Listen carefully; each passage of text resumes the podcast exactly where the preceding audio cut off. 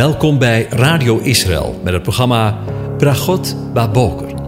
Een kort ochtendprogramma waarin een gedeelte uit de Bijbel wordt gelezen en besproken. Met Bragot Baboker wensen onze luisteraars zegeningen in de ochtend. Presentator is Kees van de Vlist.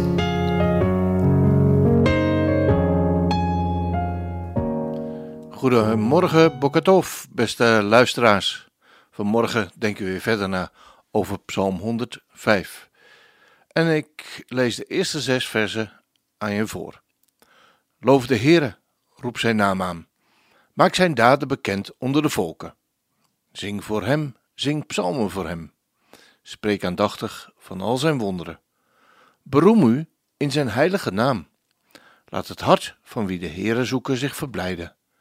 Vraag naar de Heer en zijn kracht. Zoek zijn aangezicht voortdurend.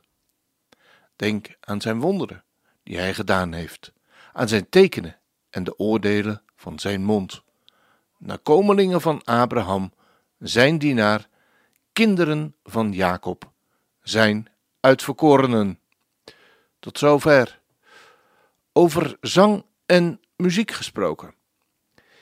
In de voorgaande afleveringen hebben we met elkaar nagedacht over de eerste woorden van de psalm, waarin de dichter Israël, maar bij wijze van spreken ook u en mij vanmorgen oproept om de Heere te loven en zijn naam aan te roepen.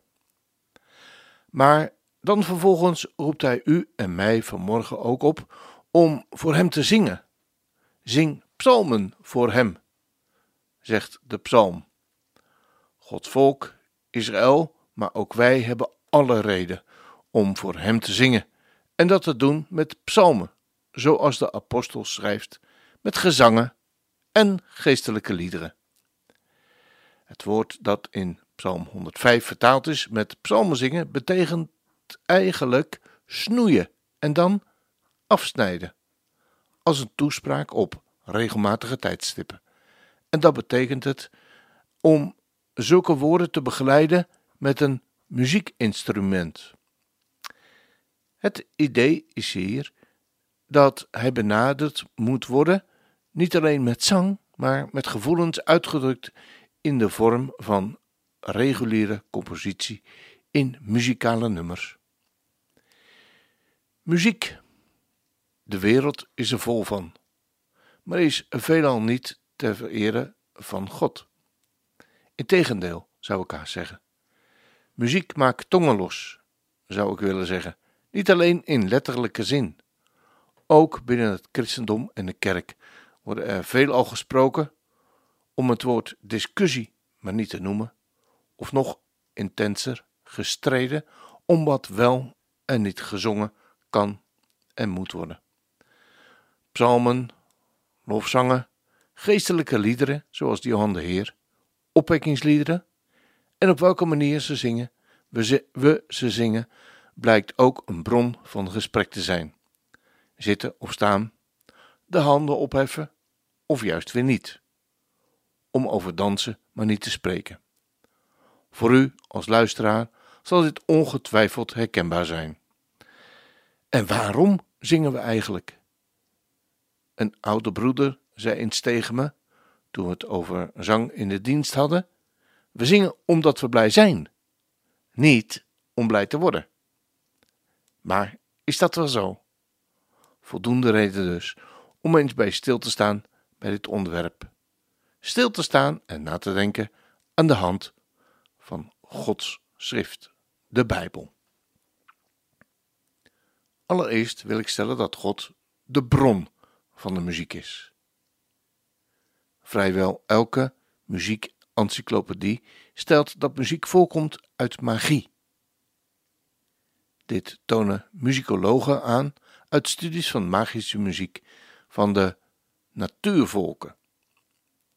Ook de huidige magische New Age en house muziek in de beschaafde, tussen aanhalingstekens, maatschappij zijn voorbeelden van magische muziek.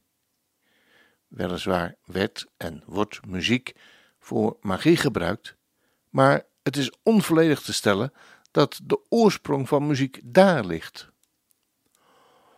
Omdat de bron van al het leven ligt bij God, zegt Psalm 36, vers 10.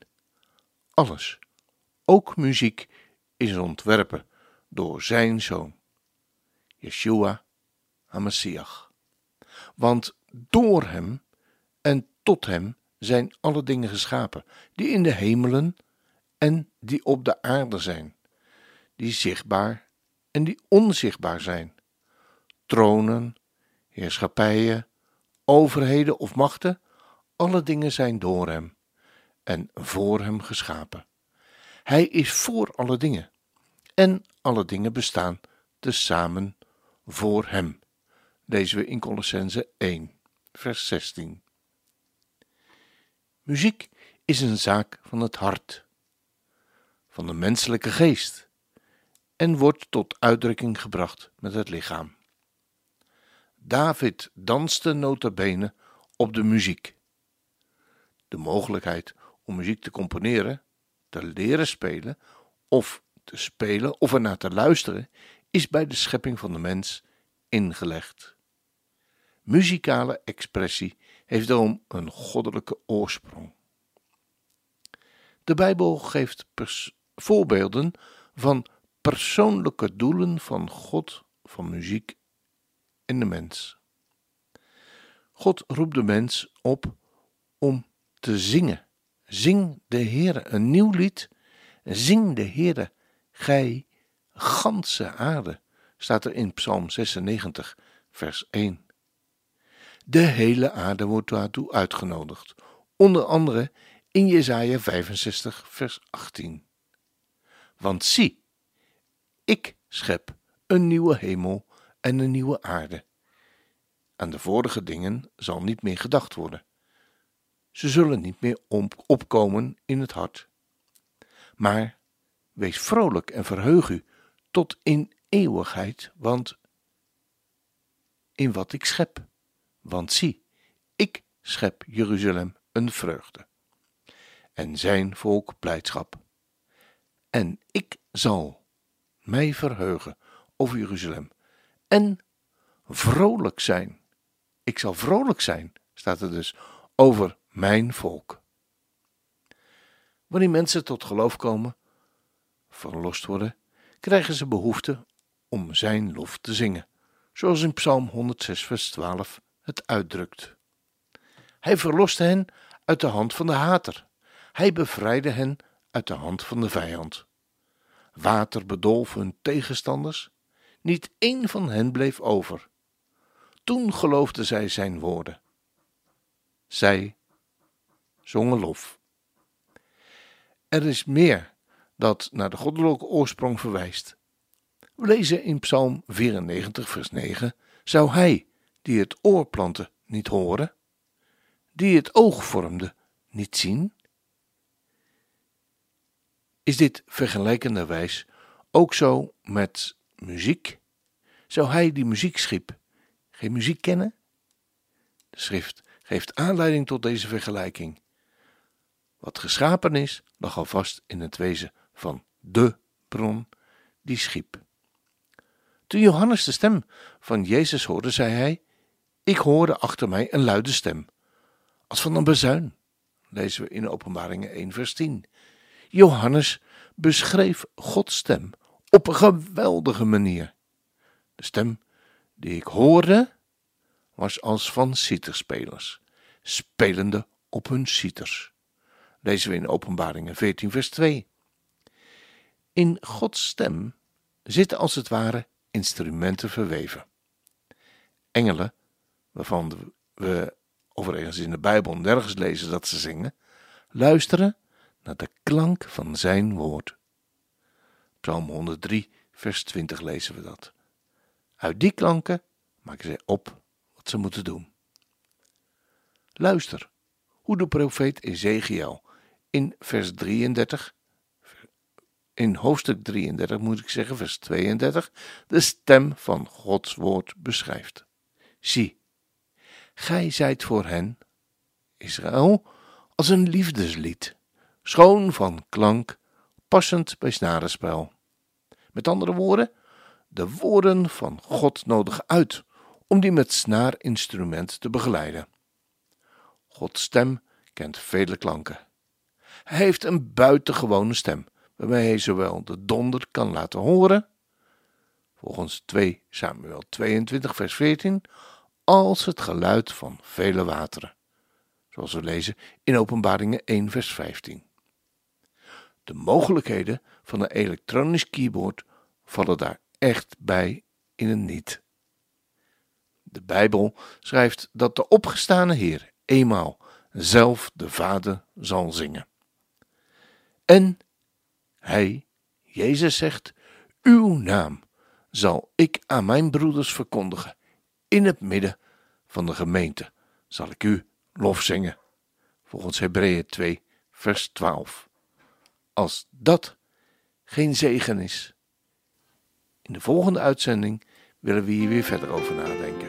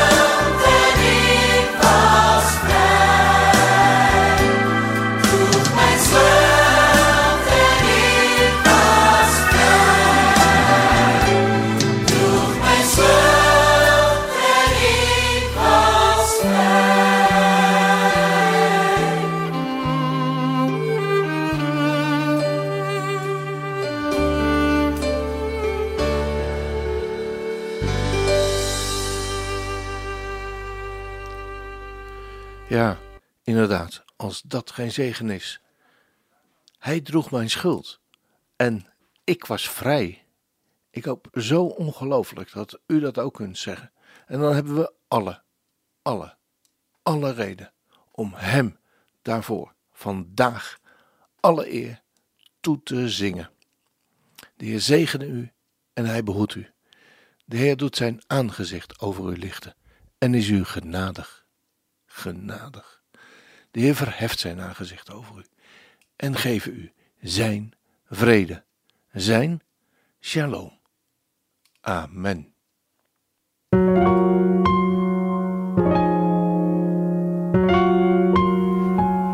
U hebt geluisterd naar het programma Bragot Baboker.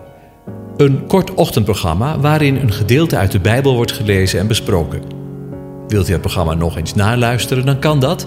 Ga naar radioisrael.nl en klik onder het kopje radio op Uitzending gemist.